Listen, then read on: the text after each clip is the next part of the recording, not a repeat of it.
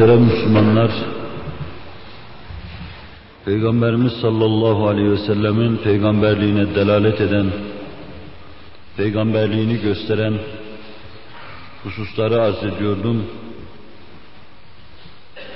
Bunlardan bizim ölçülerimiz ve kıstaslarımız içinde değerlendirebildiklerimizi esas sıfatlar, temel sıfatlar adı altında arz etmeye çalıştım. Bizim beşeri kanunlarımızla künhüne varamasak bile anlayabileceğimiz hususlardı bunlar.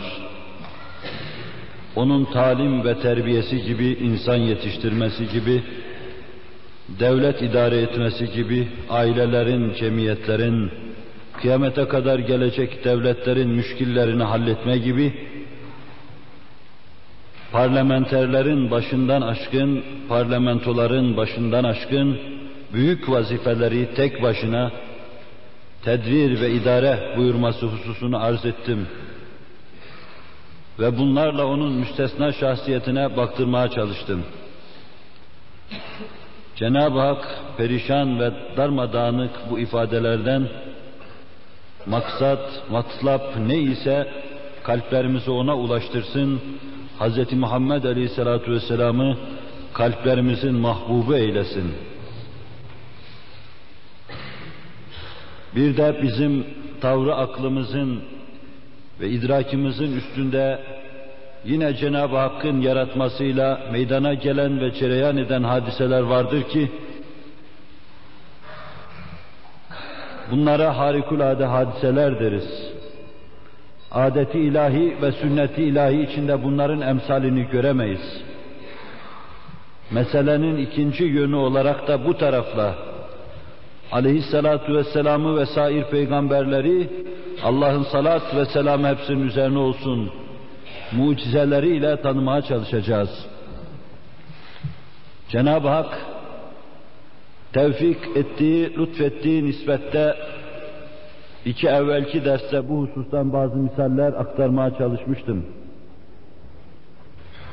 Son derste de Efendimiz sallallahu aleyhi ve sellemin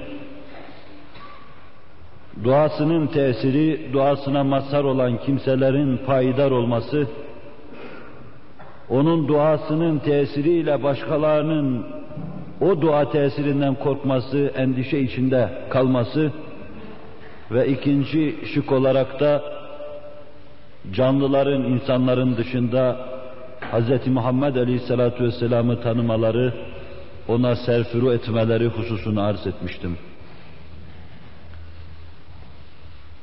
Tekrar da belki kulak tırmalayıcı bir hava olabilir. Efendimiz sallallahu aleyhi ve sellemi fünun-u müsbete dedikleri günde kullanılmayan kalbi ve kafayı bozan bir kısım ilim irfan adına telkin edilen şeyler karşısında kalp ve kafanın bozulmasına mukabil aklen ve mantıken anlatılması anlatılması gereken yerde aklen ve mantıkan izah edemeyeceğimiz mucizatın anlatılması, nakledilmesi belki garipsenir, yadırganır. Halbuki biz bunu onun peygamberliğine delil olarak getiriyoruz. Saadet aslında mucize ap açık bir bürhan, bir delildi. Efendiler Efendisi'nin sallallahu aleyhi ve sellem her hareketi, her vaziyeti harikulade olmasa bile o kadar çok harikulade şeyler vardı ki kadından erkeğine kadar, gençten yaşlıya kadar, gençten yaşlıya kadar, zenginden fakire kadar herkes her halükarda harikulade bir şey görüyor ve aleyhissalatu vesselam karşısında serfuru ediyordu. Bu asırda ise biz bu mucizeleri göremediğimizden sadece sıdk ve emanette fevkalade sıdka ve emanete sahip bulunan nurani bir cemaat tarafından bize nakledilmesi, kitaplarda yazılması hususuna itimat ediyor, naklediyoruz. Binaenaleyh doğrudan doğruya mucizat bizim tarafımızdan ilmi ve akli, mantıki kıstaslar, kanunlar içinde hemen çarçabuk kabul edilemeyeceği için hücciyetine de az gubar gelebilir, gölge düşebilir. Açıktan açığa peygamberimizin peygamberliğine belki delilini hissedemez, sezemeyiz. Çok maddileşen bu asırda bu hususu tahsis anlatmada fayda mülaz ediyorum. Kainatın medarı fahrı Hz. Muhammed Aleyhisselatü Vesselam'a bağlılık iddia edenlerin pek çoğu dahi onu sadece bir akıl insanı, bir dirayet ve kiyaset insanı olarak insanlara anlatmakta. Akıllıydı, işte aklıyla bu meseleleri halletti demektedirler. Halbuki aklından ruhuna kadar o her şeyin Allah'a borçluydu. Ve bütün icraatının verasında vacibül vücut vardı. Onun o maddi, bizim akli dediğimiz ve tamamen bir mantık silsilesi içinde cereyan eden bütün icraatı dahi Cenab-ı Hakk'ın yaratması ileydi. Onların arkasında dahi Cenab-ı Hakk'ın icraatını görmeye ve göstermeye çalıştık. Onun nübüvvetini anlatıyoruz. O Allah'ın peygamberiydi diyoruz. Böylesine aklileşen, mantıklaşan, kalpten ve ruhtan uzaklaşan bir asırda dinde mühim yeri olan mucizatın tezyif edilmesine karşı onları anlatmak icap ediyor. Allah Resulü'nün mucizesi sadece Kur'an-ı Kerim değildir. Bine balik eğer hadislerin tarikleri, tariklerin taaddüdü hesaba katılacak olursa binin üstünde aleyhissalatu vesselamın mucizeleri vardır. Bunların hepsi harikulade şeylerdir. Ve hepsi bir kısım hadiseler münasebetiyle Allah Resulü'nün elinde Allah tarafından yaratılmış, pek çok kimsenin hidayetine vesile olmuş, hidayette olanların kuvve-i maneviyelerinin takviye edilmesine, imanın izan haline gelmesine vesile olmuştur. Binaenaleyh bir yönüyle meseleyi anlatırken aleyhissalatu vesselam'ı felsefecilerin anlattığı manata her şeyi beşeri dirayet ve kıyaseti içinde görmeden uzaklaşmış oluyoruz. Bir taraftan da Allah'ın rahmetinden ümit ediyoruz. Saadet aslında gözüyle gören kimselerin kalplerinde görmekle hasıl ettiği nuru, irfanı ve izanı görmeyen, görmediği halde inanan bu garipler cemaatine de Cenab-ı Hak lütfedip aynı iman ve irfanı kalplerinde halk eylesin. Bu iki noktayı nazar, nazarı itibara alınarak öyle dinlenmeli. Evet son derste bu cümleden olarak Efendimiz sallallahu aleyhi ve sellemin elinden meydana gelen harikulade icraattan onun mübarek dualarının eğer kendisinde eğer başkaları elde ettikten sonra onların elinde keskin bir kılıç halinde geldiğini gösterdim. İkinci olarak da kainatın efendisine insanların dışında sair canlıların dahi temellukta bulunduklarını, bel kırdıklarını, boyun büktüklerini, her hayvan nev'i namına manalarını anlatan, onları abesiyetten, hikmetsizlikten, faydasızlıktan kurtaran, mektubatı samedaniye haline getiren, Allah'ın manalı bir kısım kelimeleri haline getiren Hz. Muhammed Aleyhisselatü Vesselam'a teşekkürlerini takdim etme manasında deve konuştu, geyik konuştu, kurt konuştu, kuş konuştu, bütün hayvanlar nev'i namına aleyhissalatu vesselamın karşısında serfuru etti, nev'inin selamını ona takdim etti. Cenab-ı Hak yar ve yardımcımız olsun.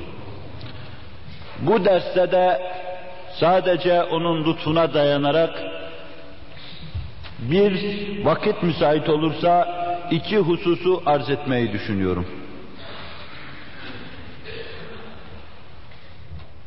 Bütün muteber hadis kitaplarında Efendimiz sallallahu aleyhi ve sellem dinin ahkamını, dine ait bütün usul ve furu'u bize anlatırken, temel prensipleri ve bu temel prensiplere bağlı teferruatı bize anlatırken, bu arada anlatılan bir de tıbbi nebi vardır. Allah Resulü'nün tababet ilmi, hekimlik adına beşere getirip takdim ettiği hususlar. Bu meseleyi ilk defa iki yönlü müşahede ediyoruz. Bunlardan birisi Resul-i Ekrem Aleyhisselatü Vesselam'ın yenilen, içilen şeyler hususunda bize verdiği malumattır. Neyin zararlı, neyin faydalı olduğu hususunda bize verdiği malumattır. Mesela ısrarla sütü tavsiye etmektedir. Ve hiçbir şey olmasa dahi onun kafi geleceği ni ifade buyurmaktadır. Ve ancak bu asırda sütün içindeki fevkalade protein anlaşıldıktan sonra, görüldükten sonra aleyhissalatü vesselamın ısrarındaki, tavsiyedeki ısrarındaki husus anlaşılmış olur. Bunun gibi Allah Resulü sallallahu aleyhi ve sellem şu yenmelidir, şu kadar yenmelidir, bu yenmemelidir, bu yenirken şundan yenmelidir veya bir sahabi müşahadesi olarak kainatın efendisi şu yemekle şunu yedi, şu soğuk şeyle şu sıcak şey yedi, şu tatlı şeyle şu ekşi şey yedi, bir karışım yaptı. Bu hususu size arz etmeyeceğim. Tıbbi nebi içinde anlatılan hususlar. Bunu Cenab-ı Hak lütfederse ileride tıbbi bir kısım kaziyelere dayayarak inşallahü teala bir konferans halinde arz etmeyi düşünüyorum. Efendimiz sallallahu aleyhi ve sellemin dertlilere, hastalara, alillere, marizlere teması anında karşımıza çıkan birinci husus budur.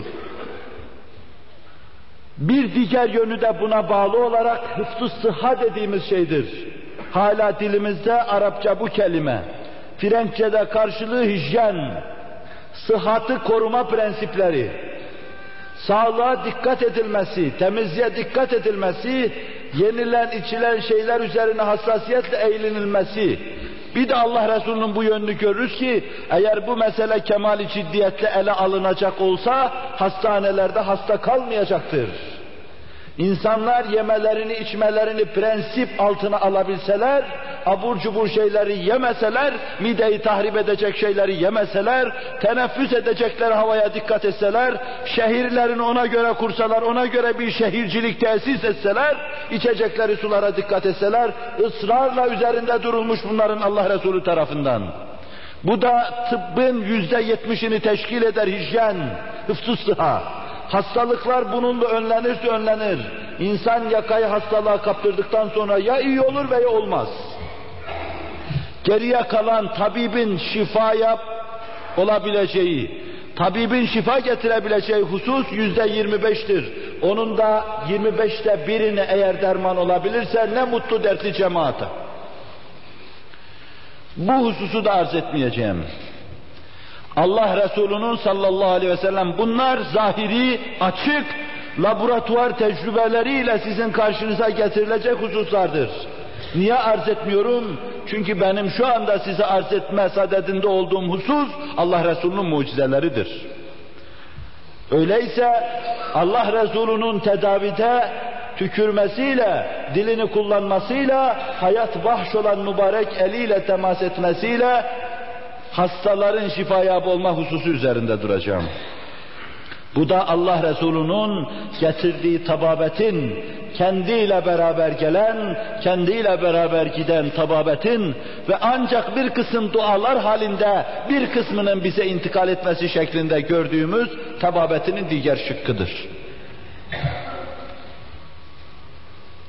Resul-i Ekrem aleyhissalatu vesselam bütün peygamberlerin getirdikleri mucizelerin aynını o da getirmiştir Allah'ın izniyle ve iradesiyle.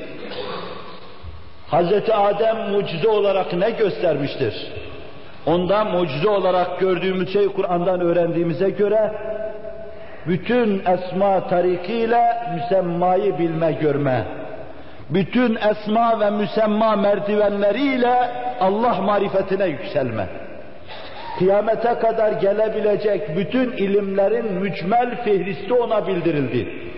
Allah Resulü bu fihristi kitap haline getirdi. Hazreti Adem'e Allah bir fihrist öğretti. Hazreti Muhammed Aleyhisselatü Vesselam geldi. Devran onun adına bestelenmişti.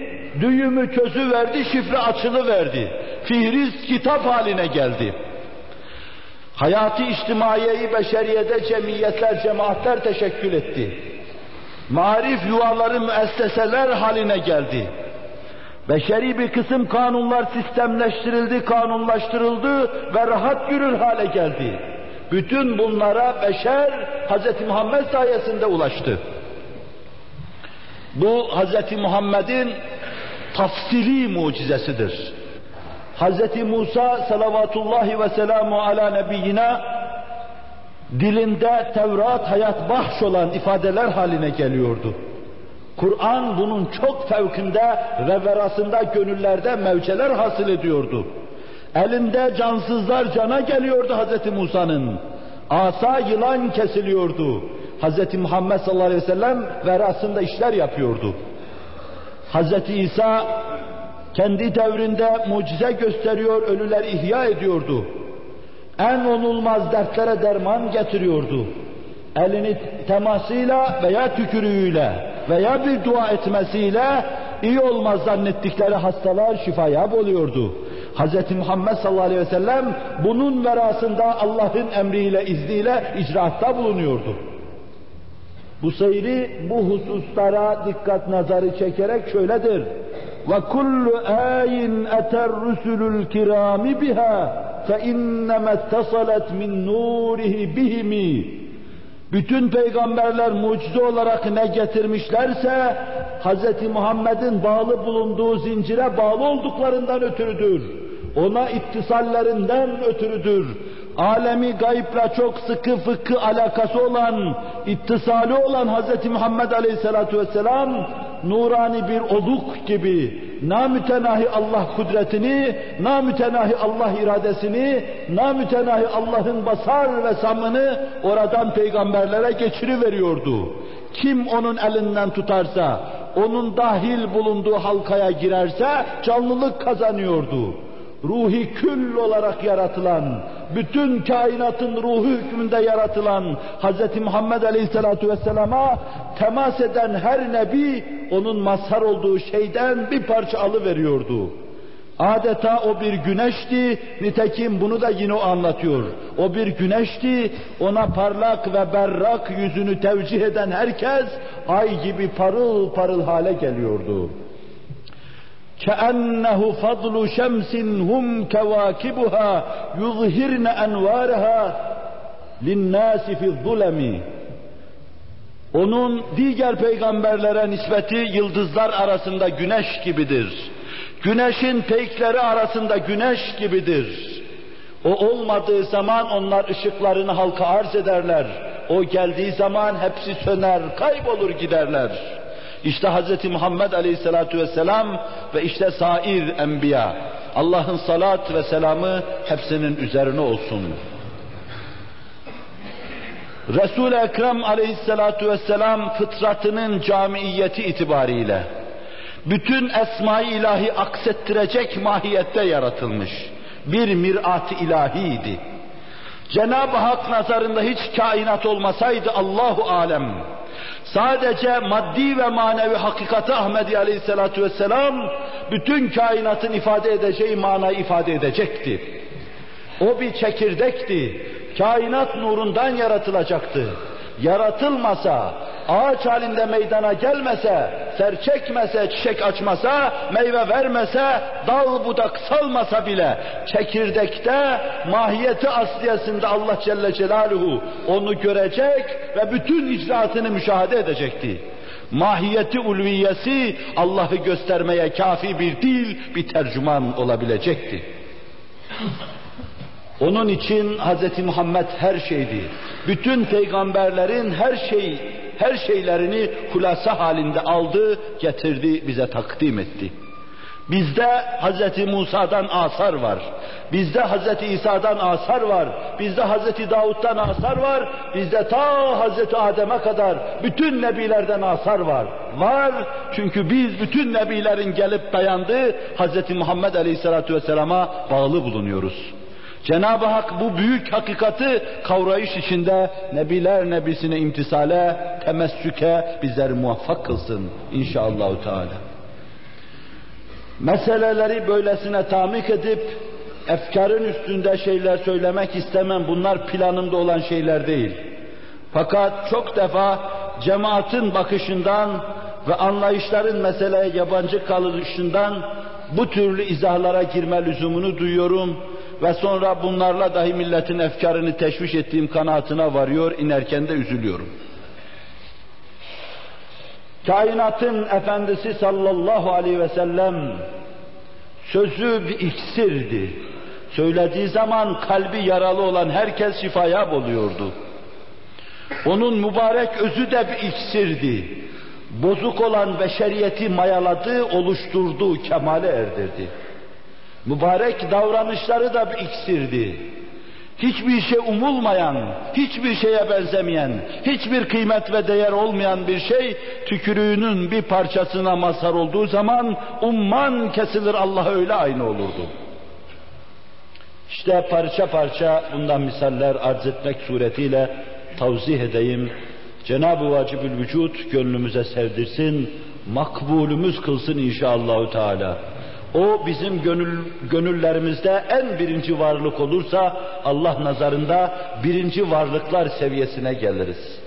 Hz. Muhammed'e ne kadar bağlıysak katiyen bilelim ki sallallahu aleyhi ve sellem Allahu Teala Hazretleri bizi o kadar seviyordur. Ondan ne kadar uzak, ona karşı ne kadar lakayt ve laubali, ciddiyetsiz duruyorsak katiyen bilelim ki rahmetten hissemiz de o nispettedir. İbni Ebi Şeybe, Taberani ve İbni Seken naklediyorlar bize. Habib İbni Füdeyk radıyallahu anh ashab-ı kiramdan gözlerinde hususiyle gözünün siyahında beyazlık vardı. Durumunu bize anlatırken şimdiki adıyla katarak diyoruz. Göz merceği. Gözün siyah noktasının altında teşekkül eden tulum gibi bir şey. Tababet bir gün yarar, gözün kapağını kaldırır, onu çıkarır, tekrar dikiverir. Habib bin Füdeyk'in radıyallahu anh gözünde böyle beyazlık vardı. Bir hiç görmezdi. Elinden tutar, gidersen giderdi arkandan. Bırakırsan kalırdı olduğu yerde. İşte bu arz ettiğim üç, belki bunlara munzam daha on tane hadis kitabı aynı hususta ittifak halinde bir sahabinin ağzından bize şunu naklediyorlar. Bu malul insanı, ama insanı huzuru risalet penahiye getirdiler. Allah Resulü afsun buyurdu. O gönülleri zaten füsunkar edasıyla büyülemişti. Adeta orada da bir büyü yapı verdi. Büyü, sihir ondan fersah fersah uzaktı. Fakat mübarek nefesinde o mana vardı. Ona hayat bahş olan Cibril nefesi soluğu gibi soluklarıyla bir üfleyi verdi. Ve sahabi arkasından yemini basıyor. Vallahi Habib bin Füdeyk 80 yaşındaydı, ineğe ipliği geçirirdi çok rahat diyor. Gözünde de hala o beyazlık vardı diyor. Tababet açısından bunu izah etmeye imkan yoktur. Gözde katarak varken dıştan gelen şualar içeriye girmediği için insanın görmesi mümkün değildir. Bununla beraber vallahi ineğe iplik takıyordu 80 yaşındaydı diyor.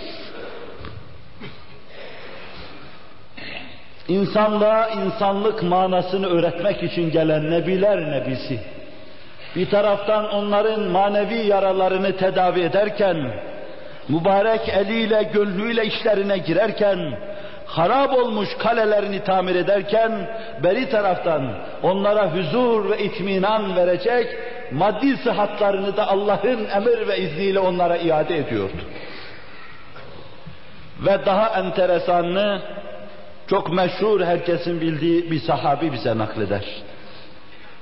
Bu hadisi şerifi de İbn Adi, Ebu Yala, Beyhaki ve Ebu Nuaym ki Beyhaki ile Ebu Nuaym bu hususta delail yazmışlar. Peygamber Efendimizin peygamberliğine delalet eden delilleri bir araya getirmiş. Bunlara delailün nübüvve demişler. Peygamberlik delilleri. Katade İbni Numan, Allah Resulü'nün sallallahu aleyhi ve sellem Uhud'da da Bedir'de de önünde savaşan şerefli bir sahabiydi.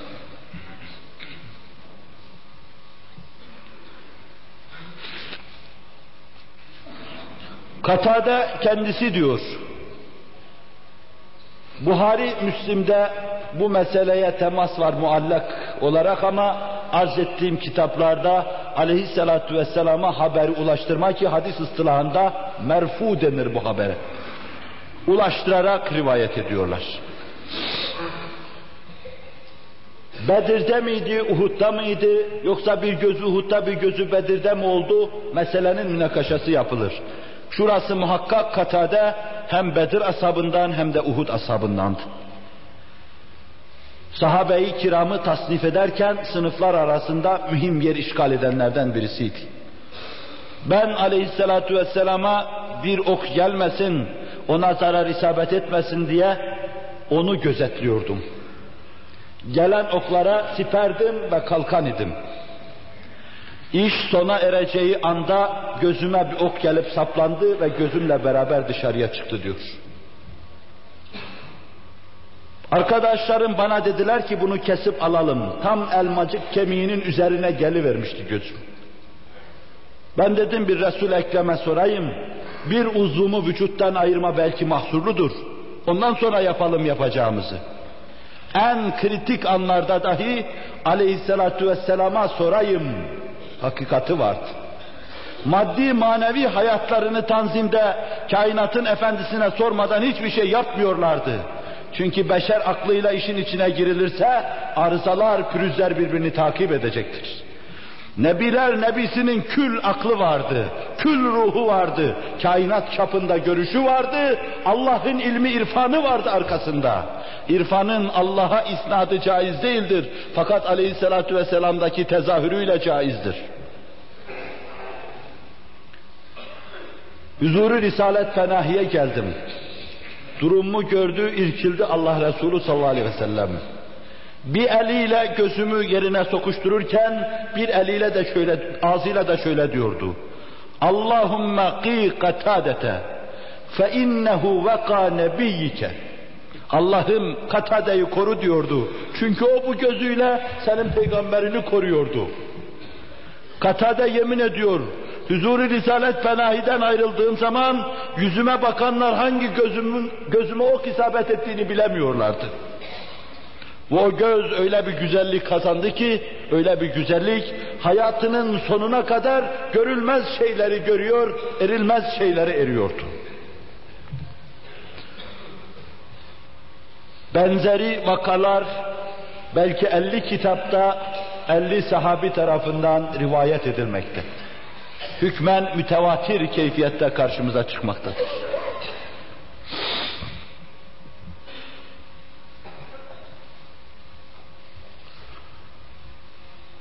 Resul-i Ekrem aleyhissalatu vesselamın sesi ölmüş cesetlere hayat getiriyor, onları canlandırıyordu.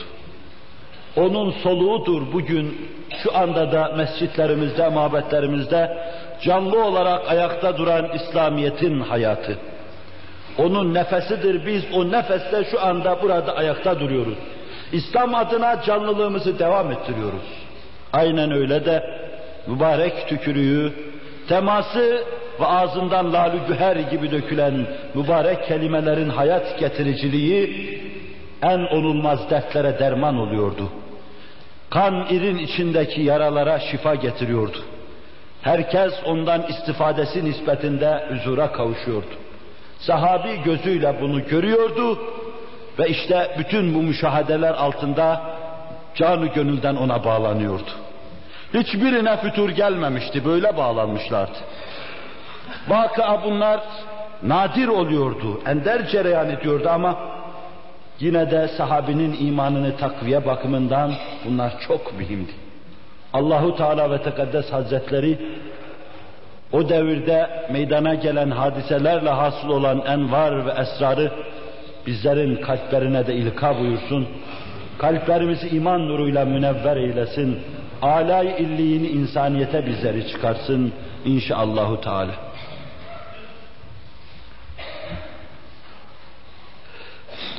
Bu hususta diğer bir rivayeti hadis kitapları arasında sultanlık tacı taşıyan Buhari ve Müslim bize naklederler.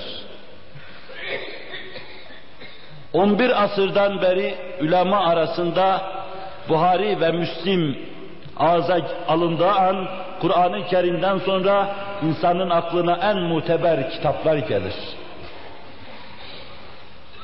Binbir titizlik, hassasiyet ve inceden ince eleme ve çok ciddi kıssaslar içinde süzüp bize kadar intikal ettirdikleri sözlerde sözlerin içinde yalanın olabileceğine ihtimal vermek ancak şeytanın aklından geçen şeylerdendir. İşte bu iki muteber hadis kitabı çok şerefli bir sahabe olan Husayn İbni İmran radıyallahu anh hazretlerinden bize şunu naklediyorlar. Veya bir rivayette Seh, Sehl İbni Sa'd radıyallahu anh. Sehl İbni Sa'dus Saidi radıyallahu anh. Diyor ki Hayber'e gittik. Hayberliler aleyhissalatü vesselam'dan korktu, kapılarını kapandı, surlarının içine kapandılar.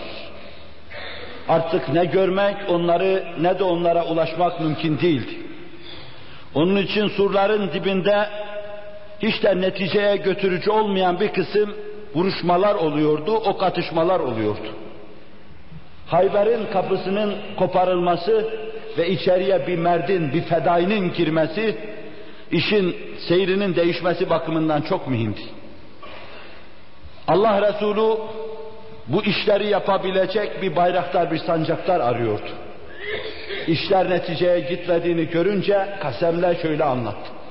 لَاُعْتِيَنَّ الرَّايَةَ غَدًا رَجُلًا يَفْتَحِ اللّٰهُ عَلَى يَدَيْهِ Bir rivayette yuhibbullah ve yuhibbu. Yarın inşallah bu bayrağı öyle birisine vereceğim ki onun eliyle Allah Hayber'i fethedecektir. Değişik rivayette Allah onu sever, o da Allah'ı sever. Hazreti Ömer der ki hiçbir zaman imareti talep etmedim. İstemedim Allah Resulü bana bir onbaşılık versin. Fakat o gece sabaha kadar acaba bana mı teklif eder diye bekledim. Herkes başını kaldırmış, Allah'ın sevdiği o insan olmak için intizar ediyorlardı. Halbuki sabah Allah Resulü ikinci bir sabahta hayata gözlerini açarken Ali İbni Ebi Talib'in nerede olduğunu sordu. Buyurdular ki çok geridedir ya Resulallah ve hasta gözleri hiç görmüyor. Çağırın buyurdular. Ali İbni Ebi Talip huzur-i Risalet Fenahi'ye geldi. Gözleri açamayacak kadar hastalık içindeydi. Çapak bağlamıştı. Allah Resulü'nden itizarda bulundu. Beni af buyur ya Resulallah. Bu vaziyette yapamam bu iş. Allah Resulü sallallahu aleyhi ve sellem ölüye hayat vahş olan o mübarek eliyle görmeyen gözlerini Hazreti Ali'nin temas buyurdu. Dakikasında gözleri açıldı, fırıl fırıl görüyordu her taraf. Sancağı eline verdi ve aynı günde Hayber fethedildi. Kalenin kapısını kopardı, atı verdi, Müslümanlar içeriye girdi, teslim aldılar. Soluğu anında fevkaladeden şifa getiriyordu. Bu hususlar bugün bizim garibimiz olsa dahi pek çoklarını bugün azar azar ileride külle halinde kabul edeceğimiz hadiselerle karşı karşıya kalacağız. Saralının elinden tutup götürüyorsunuz. Götürüyorsunuz hekimin karşısına, beyin elektrosunu alıyor, filmini alıyor, bakıyor, ya bir ur tespit ediyor veya başka bir şey tespit ediyor, merkez kayması tespit ediyor. Ediyor ama bunun dermanı yoktur diyor.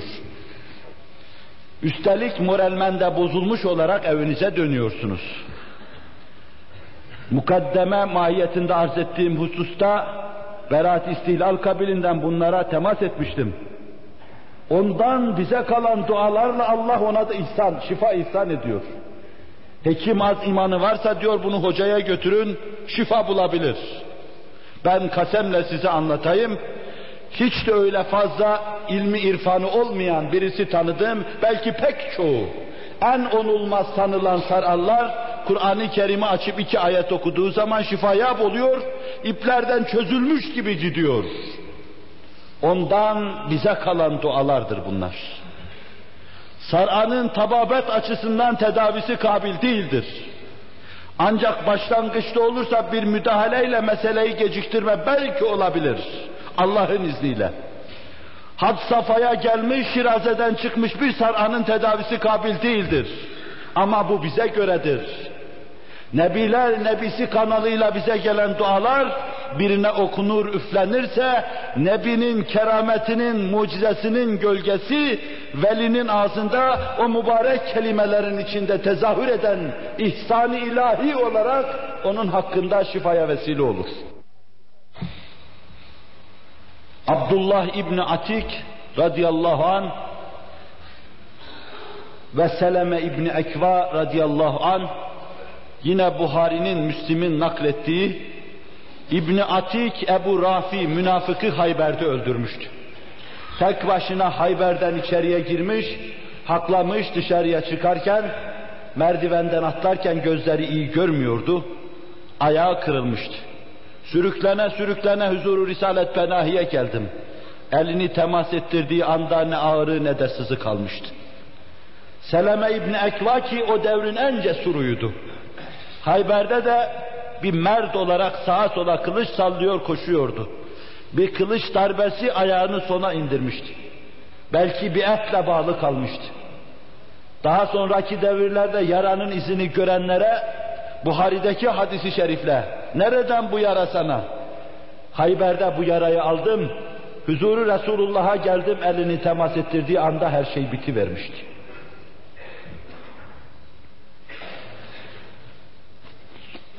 Fizik ötesi hadiseler kendisini pozitif görünen kimselere, pozitivist görünen kimselere kabul ettirdiği bu devirde ruhun, ruhçuluğun ağır bastığı bu devirde bunları kabul etmede hiçbir beis yoktur. Aklen mantıken.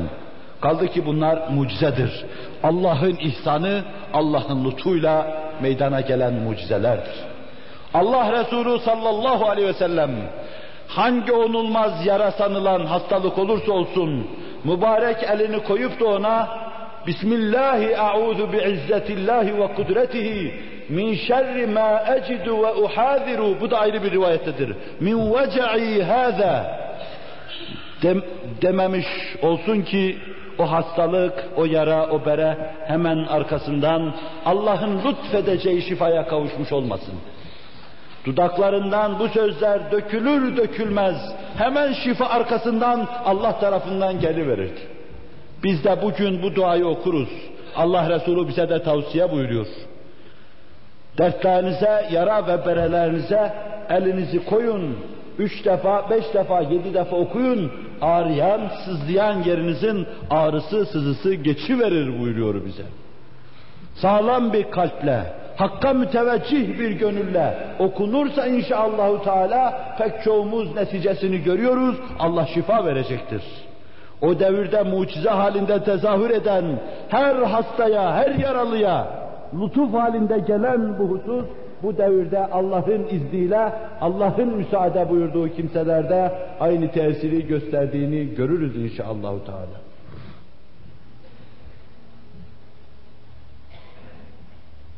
Bütün bunlarla size Resul-i Ekrem Aleyhisselatü Vesselam'ın 200'e yakın bu hususta yani mübarek sesiyle, nefesiyle, soluğuyla, elinin temasıyla şifaya olan kimselerin misallerinden sadece üç tane, dört tane nakletmiş bulunuyorum.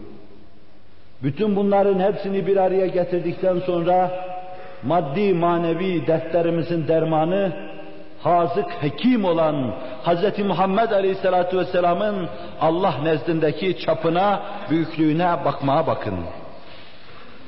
O Cenab-ı Hakk'ı takdir ve irfanı kendisinde gördüğü Cibril'in, Cibril-i Emin'in Miraç münasebetiyle bir durumunu bize naklederken şöyledir. Fersah fersah mesafe kat ediliyordu. Onu inşallah önümüzdeki bir derste Miraç arz edeceğim size. Bir mucizesi de odur. Mesafeler Hz. Muhammed Aleyhisselatü Vesselam'ın ayaklarının altında dürülürken esasen ayaklar yürümüyordu. Çünkü ayağı basacak yerde yoktu. Kadı İyaz'ın dediği gibi belki bir ayağı diğer ayağının üstündeydi.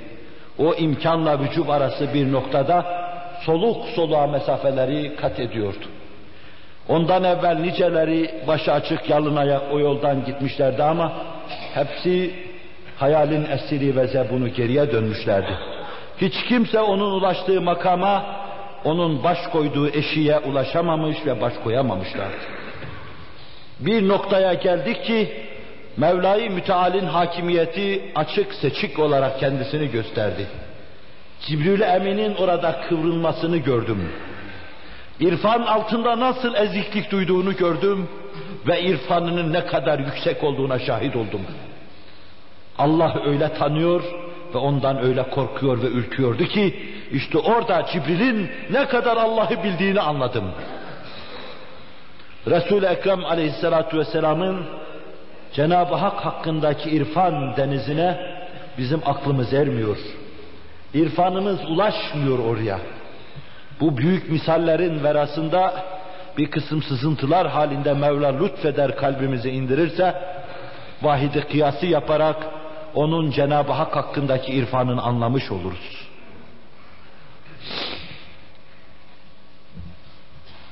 Bundan öteki misallerde de İnşallahü Teala Resul-i Ekrem Aleyhisselatü Vesselam'ın mahiyetlere tesir, et, tesis, tesir ettiği, mahiyetleri yeni bir şekle irca buyurduğu, eşyanın tabına müdahale ettiği hususlarını arz etmek istiyorum. Madde alemde, kevni kanunlar içinde, cereyan eden sünnetullah içinde, bunun akıl ve mantık süzgeci içinde değerlendireceğimiz şeklini tab'ı bozulmuş, fıtratı bozulmuş, ahlakı bozulmuş, beşeri ahlaklı olmaya, tab'ı selime, müstakim keyfiyete irca etmesi şeklinde görüyoruz. İnsanlık adına hiçbir şeye sahip olmayan, o alabildiğine bozuk, alabildiğine anarşist bir cemaati birdenbire şirazeye sokuverdi. Birdenbire düzene getiriverdi, nizam intizam altına alıverdi. Kalplerdeki bütün bozukları, bozuklukları alıp götürüverdi ve yerlerine çok yüksek, çok seviyeli ahlak getirdi, tesis ediverdi. İnsanların fıtratlarını böyle değiştiriverdi. Mucizeler aleminde de eşyanın onun elinde tab'ını değiştirdiğini görürüz.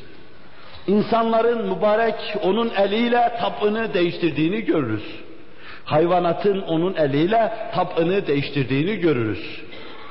Nice cansız gördüğümüz şeyler var ki onun elinde birdenbire hayata mazhar olduklarını müşahede ederiz. Nice iş yapmayan şeyler var ki mübarek elinin teması, sözünün ulaşması, soluğunun hayat getirmesiyle canlılık kazandığını müşahede ederiz. Nice iş yapmayan şeyler var ki mübarek elinin teması, sözünün ulaşması, soluğunun hayat getirmesiyle canlılık kazandığını müşahede ederiz. Cibril Emin ayağını bastığı toprak hayata mazhar oluyordu. Hz. Musa'nın kavminin yanından geçtiği zaman Cibril Emin, Samiri görmüştü onu. Ayağını bastığı yerler yeşeriyordu. Ve bastığı yerlerden bir avuç toprak aldı, Musanna buzağının içine atınca buzağı bağırmaya başlayıverdi. Çünkü külli bir ruha masardı. Cibril nefhay ilahiydi. Hakkın hayy kayyum olan hayat, hayat sahibi Allah'ın hayat vermesine kamilen masardı. İşte Allah Resulü Cibril'in verasında ötesinde bu keyfiyete mazhardı. Onun için icabında cansız direk firakıyla inliyordu, icabında hayvan da inliyordu ve icabında bir cansız onun karşısında canlılar gibi ne hadiselere vesile oluyordu. Birincisini vakanın şerefli sahabi Ukkaşe İbni Mihsan radıyallahu anh hazretleri bize naklediyor. Bunu Beyhaki'de ve Ebu Nuaym'in delailinde görelim. Bedir'de diyor savaşırken elimdeki kılıcım kırılıverdi. Sahabiler radıyallahu anhum hazaratı kılıçları ellerinde kırılacağı, kalkanları parçalanacağı ana kadar sabru ikdamda bulunur, geriye çekilmez ve kaçmazlardı. Tam sıkıştığım bir andaydı, kılıç da elimde kırılmıştı. Resul-i Ekrem aleyhissalatu vesselama nazarım ilişti. Bir odun parçasını bana atıverdi. Elime aldığım zaman bir kılıç keyfiyeti içinde gördüm onu. Ve Bedir'in sonuna kadar savaştım elimdeki odun parçasıyla. Ama artık o bir kılıçtı. Hayatımın sonuna kadar da sakladım. Verasını artık sahabi anlatıyor. Ukkaşe radıyallahu anh onu elinden hiç bırakmadı. Ebu Bekir devrinde, Ömer devrinde, Osman devrinde Ükaşe'nin kılıcıydı. Bütün meydanlarda Ükaşe'nin kılıcıydı. Vefat ederken varislerine miras olarak bıraktı. Daha zayıf rivayetlerde o kılıç çok el değiştirdi. Ve bir gün her şey gibi o da kayboluverdi. Hazreti Osman'ın yüzüğü gibi, mukaddes çok emanetler gibi o da kayboluverdi. Resul-i Ekrem aleyhissalatu vesselamın temasıyla, Allah'ın yaratmasıyla cansız, camit bir şey tabını değiştiriyor, harikulade şeylerin meydana gelmesine vesile oluyordu. Buhari, Müslim, Hazreti Cabir'in ifadesiyle bize şunu naklederler. Belki Buhari'de bu hadisi şerifi 20 yerde görmek mümkündür. Çeşitli münasebetlerle Buhari misal olarak arz eder. Bir seferden dönüyoruz der Cabir radıyallahu anh. Bindiğim deve bayağı tembelleşti, bayağı yorgunluk göstermeye başladı. Arkadan bir ses duydum. Gelen ordusunu teftiş eden Resul-i Ekrem aleyhissalatu vesselam'dı. Niçin böyle geridesin ya Cabir dedi. Niye devene binmiyorsun dedi ya Cabir. Çok yoruldu artık bir adım atmıyor dedim ya Resulallah. Deveme elindeki çubukla bir dürtü verdi. O tembel, o atul deve birdenbire canlanmıştı. Bir elektrik teli haline gelmişti. Bana sıçra üstüne dedi. Artık zimamını zor tutuyordum. Bütün ordunun önüne geçecek durumda koşuyordu, koşuyordu, durmadan koşuyordu. Ben de zimamla onu gemlemeye çalışıyordum. Allah Resulü'nün bir dürtmesiyle o cansız, o tembel deve canlılık kazanmıştı. İkinci vakayı yine Buhari, Müslim, Enes tarikiyle bize naklediyorlar.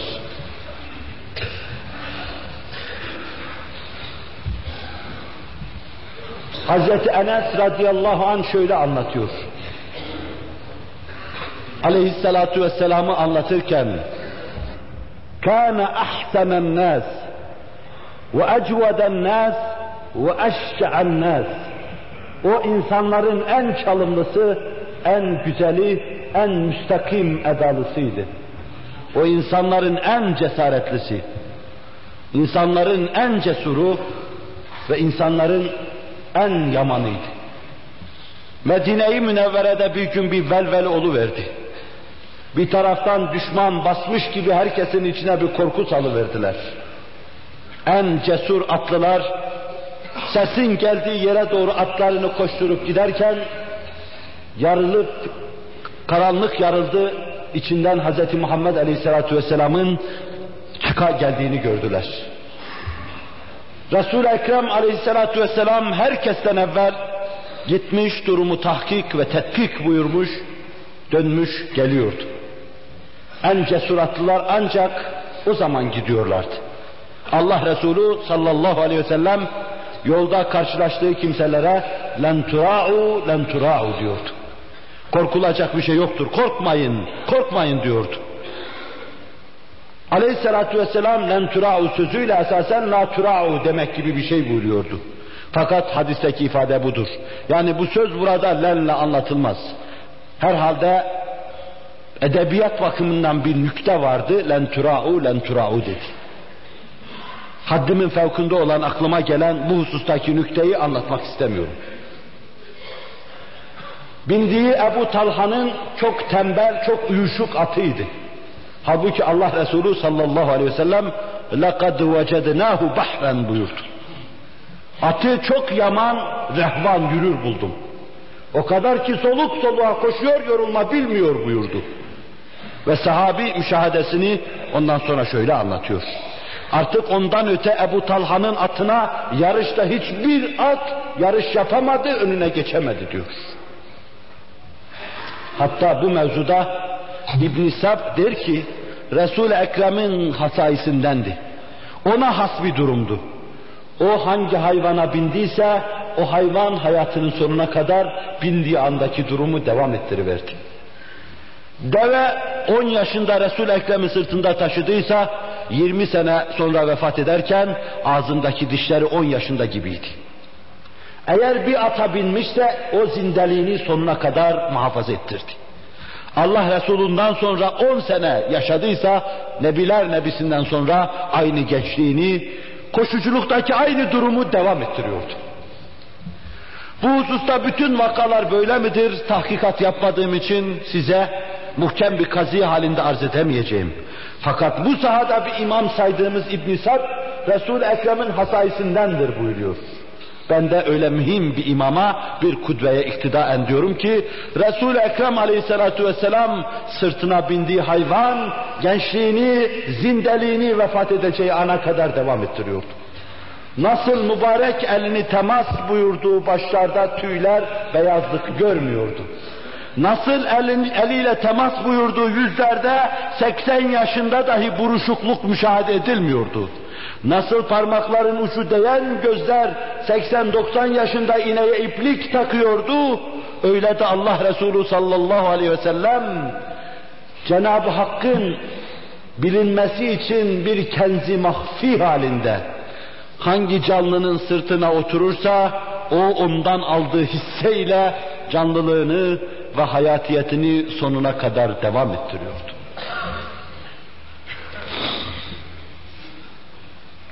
Ebu Nuaym ve Beyhaki bize İmran İbni Husayn'den şunu naklediyorlar. Daha tesettür ayeti nazil olmamıştı. Hazreti Ali ve Hazreti Fatıma yeni evlenmiş bulunuyorlardı.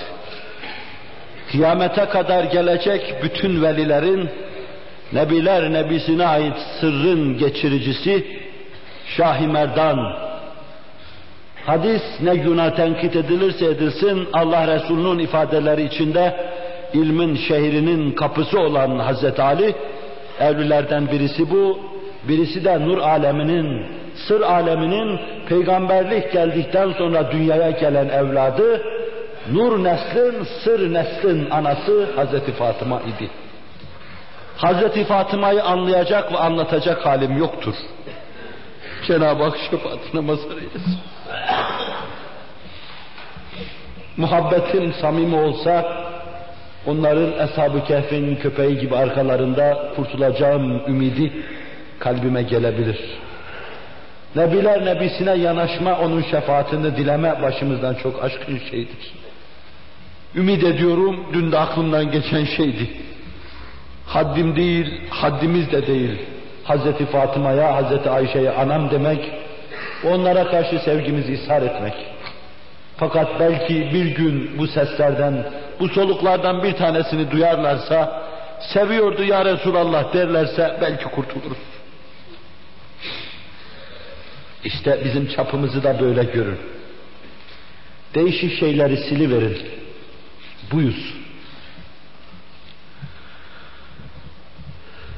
Hazreti Fatıma ona Betul dediler. O Betul'du. Evliydi, çoluk çocuğu vardı ama tebettül yapmıştı. Betul'un manası Allah'ın gayrı masivadan alakası kesik demektir. Evlilik, çoluk çocuk her şeyden alakası kesik demektir. Nebiler nebisine de Allah betul ol diyordu. Ve tebettel ileyhi tebtila. Habibim zorla kendini. Zorla kendini dış avaik ve alaikten alakalarını kes, Mevla'ya teveccüh et diyordu. Hanımların olsa da, çocukların olsa da alakanı kes diyordu. Ve Kur'an-ı Kerim'de tebettül ve teptil kelimeleri peşi peşine gelişte Nebiler Nebisine tekellüfün yüklenmesi ve sonra Allah tarafından betuliyetin yaratılması ve tebettel ileyhi teptila Arapçadan az bahresi olan anlar bunu. Allah ne diyor, ne istiyordu, Nebiler Nebisi ne yapacaktı ve sonra netice nasıl meydana gelecekti? Ben bunu daha ince bir tabirle betul ol sözüyle tercüme ediyorum. Hazreti Fatıma betuldu. Dünyaya karışmıştı azıcık. 20 yaşında vefat edecekti. Azıcık tadını görmüştü dünyanın. Ve Hazreti Hasan, Hazreti Hüseyin gibi birinin manası güzeldi, biri de güzelcikti. İkincisi ondan sonra geldiği için yaşı küçüktü. Yoksa maddi manevi güzelliğini ifade eder şey değildi. Yaşından ötürü ona güzelcik dediler. İkisi de çok güzeldi. Altın neslin babalarıydı onlar. Kıyamete kadar gelecek bütün beyin yapıcılar, mücedditler, müştehitler, babam şuna bağlıdır, anam da şuna bağlıdır demek suretiyle izafetlerinden feyiz alacaklar. O altın halkaya kim bağlıysa o nispette istifadesi fazla olacaktır. Biz bağlı olamadık fakat kapılarından da ayrılmadık.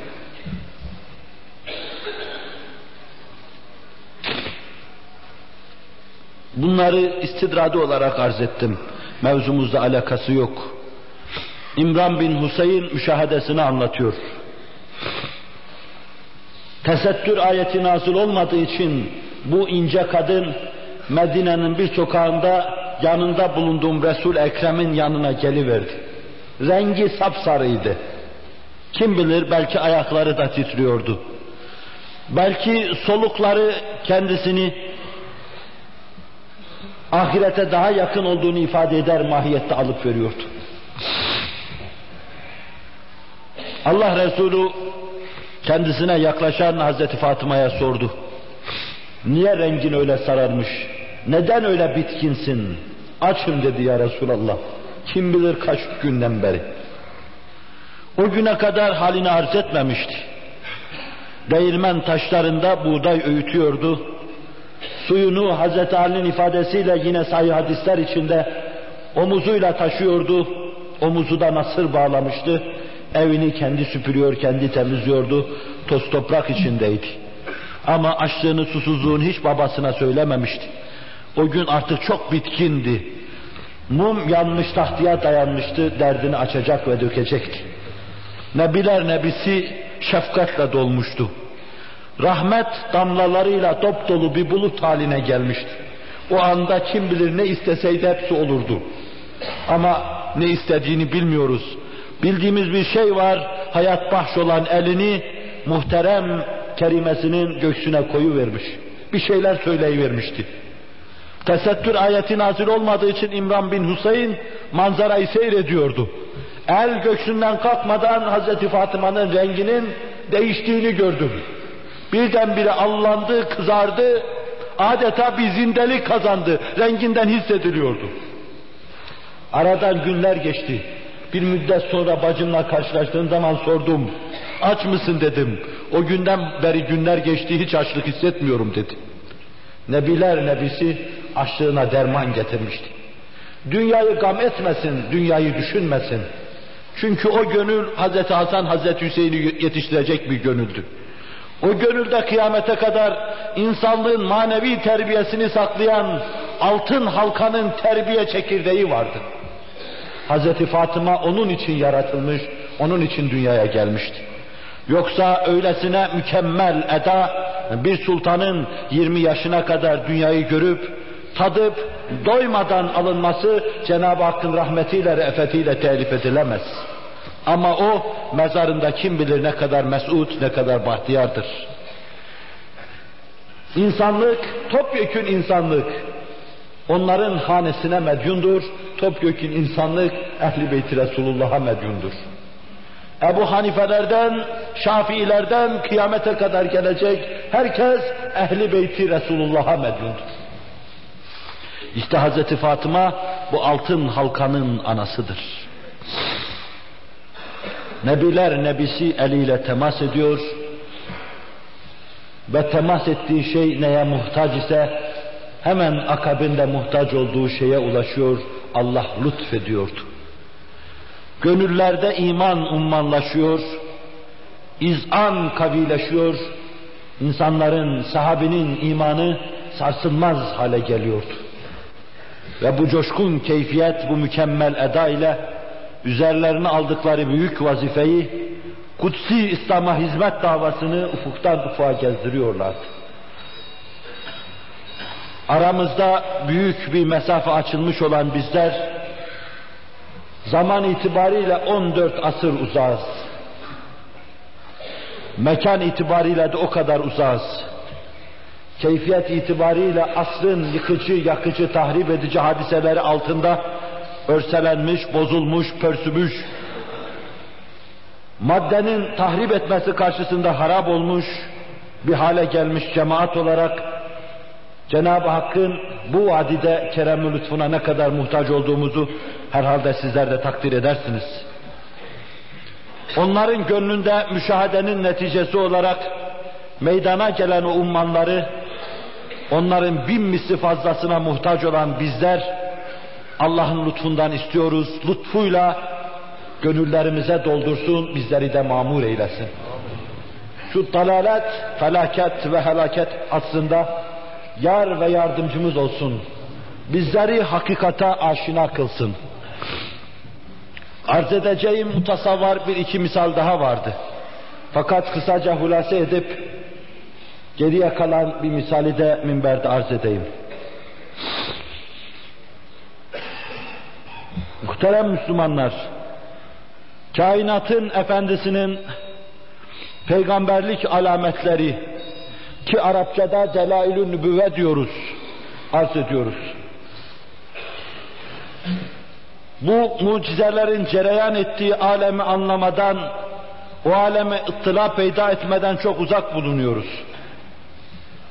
Onun az çok esrarını anlamış olanlar bize naklediyorlar. Ve biz onlara itimat ederek gönüllerimizde o devirde yaşanan şeylerin yeniden mevcelenmesi için naklediyor. Bir taraftan Cenab-ı Hakk'ın bize lütfetmesini bunları dua halinde ona takdim ederken bekliyor. Bir taraftan da maddileşen şu asırda sadece maddi kıstaslar ve maddi tecrübelere tabi tutulan şeylere inanma karşısında bu mucizelerin mevcudiyetini de hatırlatıyoruz. Efendimiz sallallahu aleyhi ve sellem sadece maddi bir insan değildi. Buraya kadar arz ettiğim şeylerde vaka onun sadece bu hususunu arz etmiştim. O talim ve terbiye buyurduğu cemaatin her meselesini halletmişti.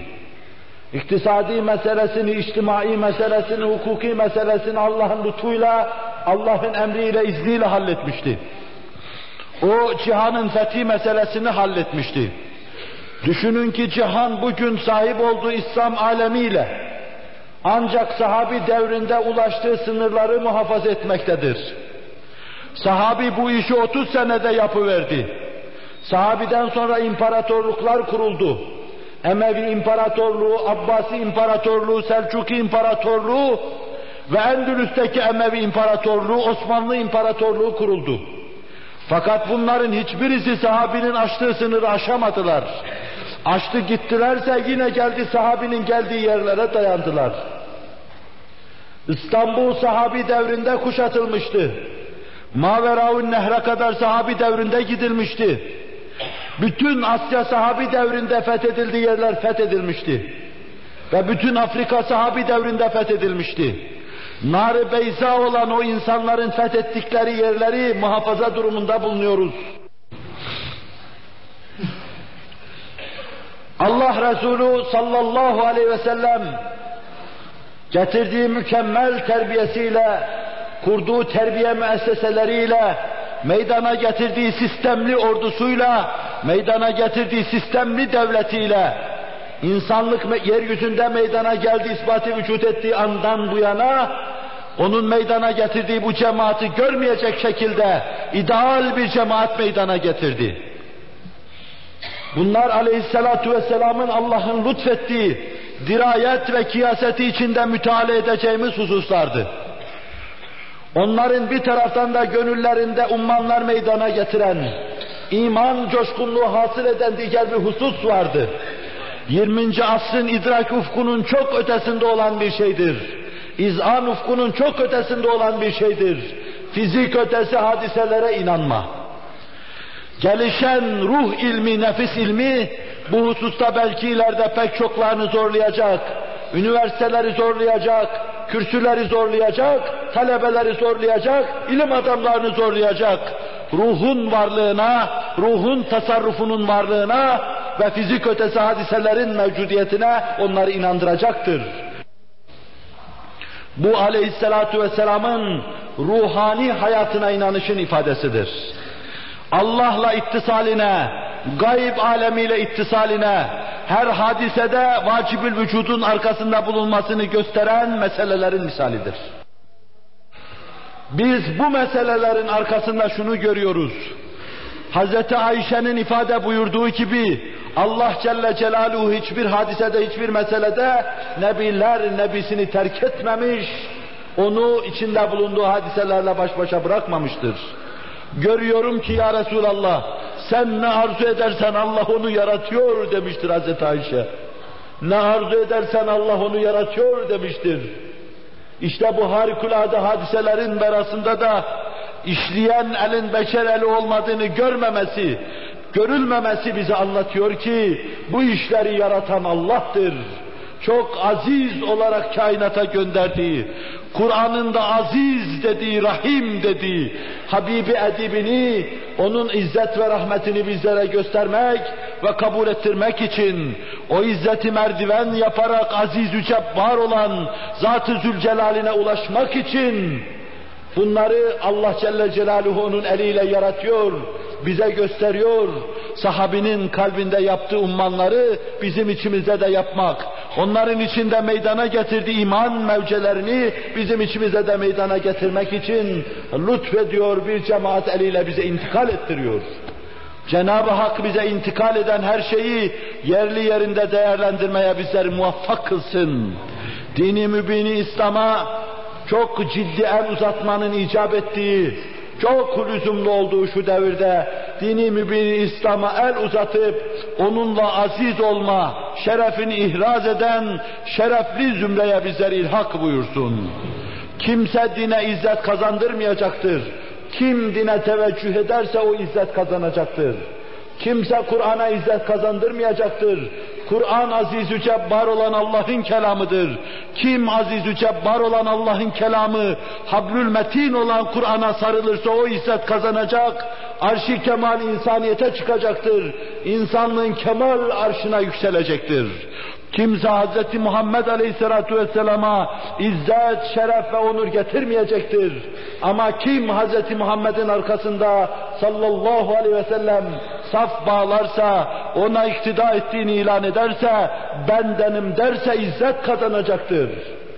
Allahu Teala ve Tekaddes Hazretleri şirazesi kopmuş kitabın parçaları eyyamın elinde melabe evrak gibi ayaklar altında çiğnenen şerefiyle onuruyla çiğnenen imanıyla izanıyla çiğnenen ayak altında ezilen 20. asrın Müslüman cemaatine izan ihsan eylesin kafalarına bir şey girmeyen kafalara Allah lütfedip iman ve irfan koysun. İçinde bir şey bulunmayan kalplere iman ve irfan doldursun. Müslümanlığı anlamayan bizleri bunu nefsim adına söyleyeyim. Allah beni Müslüman eylesin. Beni eylediği gibi başkalarını da böyle düşünenleri de Müslüman eylesin. Hakiki Müslüman eylesin. Kur'an'a teslim kılsın. Kur'an'ın ve Nebiler Nebisi'nin elinde, Gassal'in elindeki meyyit haline getirsin. Lillahi Teala'l-Fatiha. وبلغنا رسوله النبي الهاشمي الكريم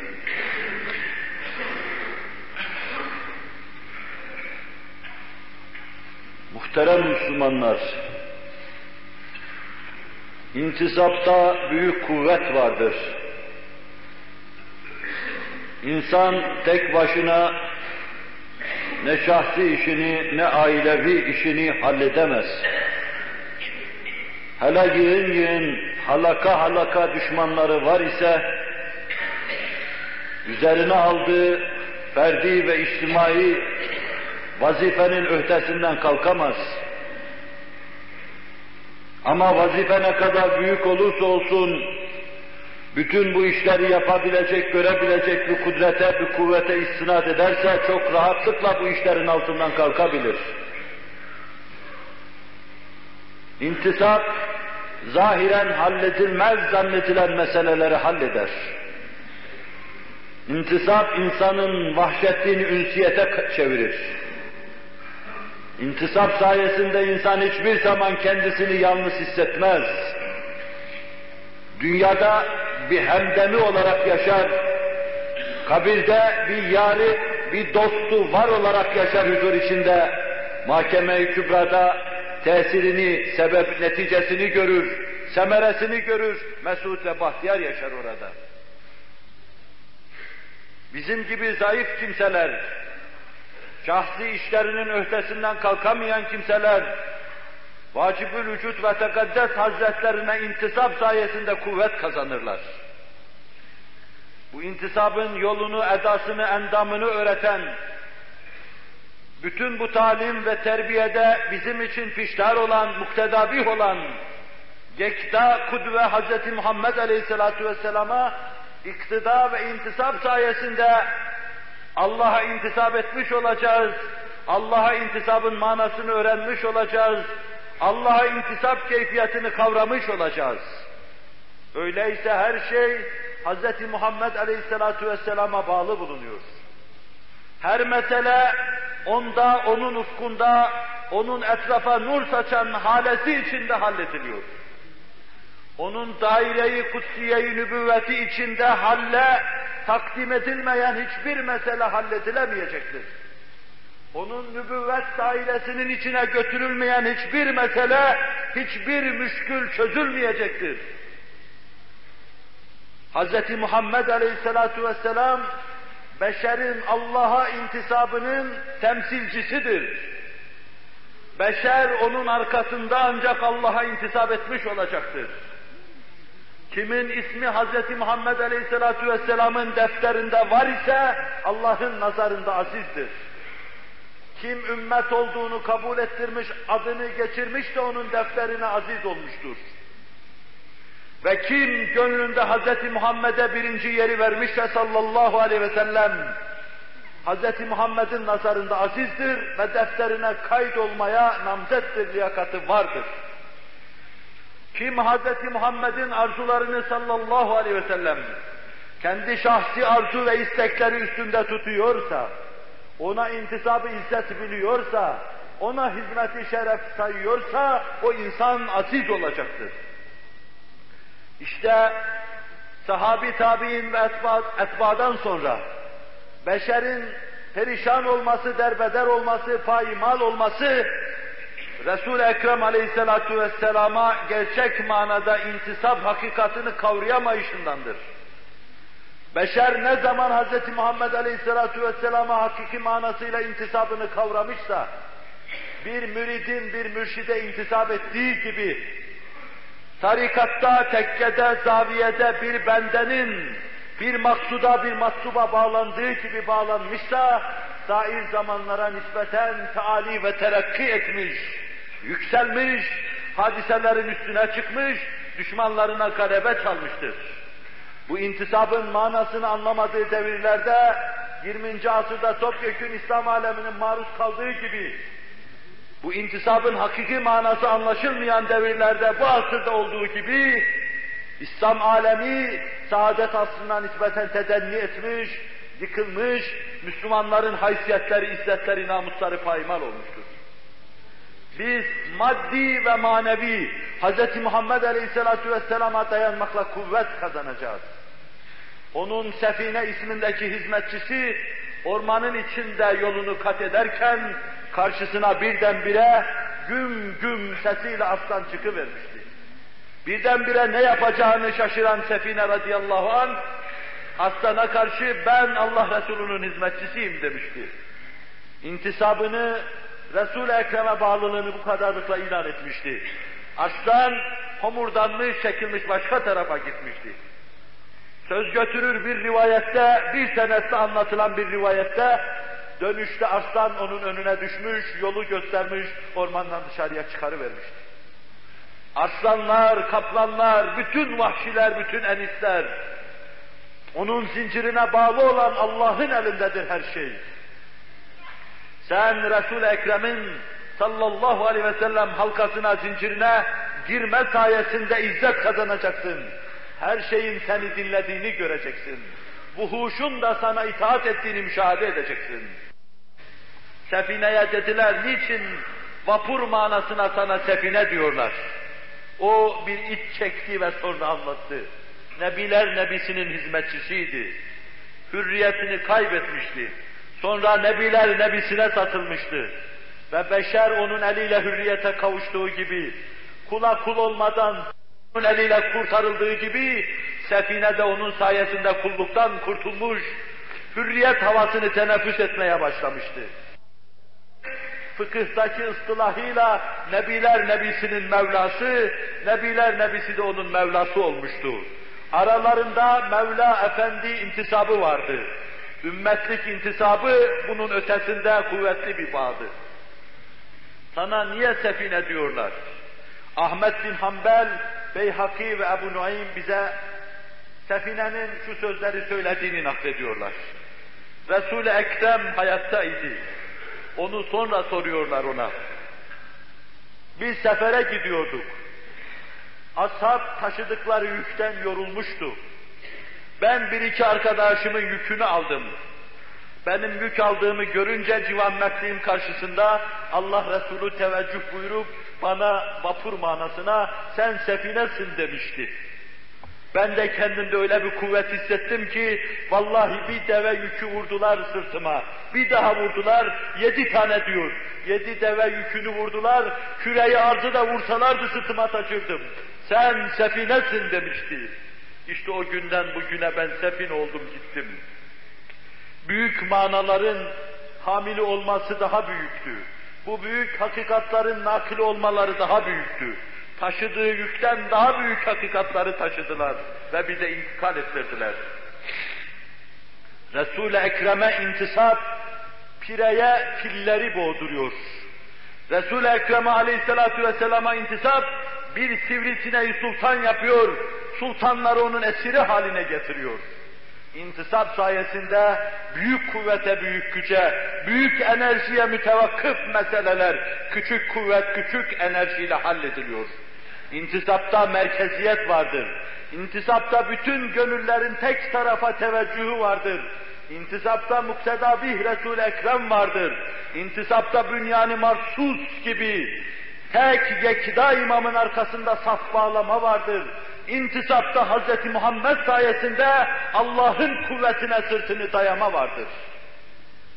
Cemaati Müslümin, bugün yapacağımız her şeyin, her meselenin üstünde, her şey onu bize anlatan Hz. Muhammed Aleyhisselatü Vesselam'a intisap gelir.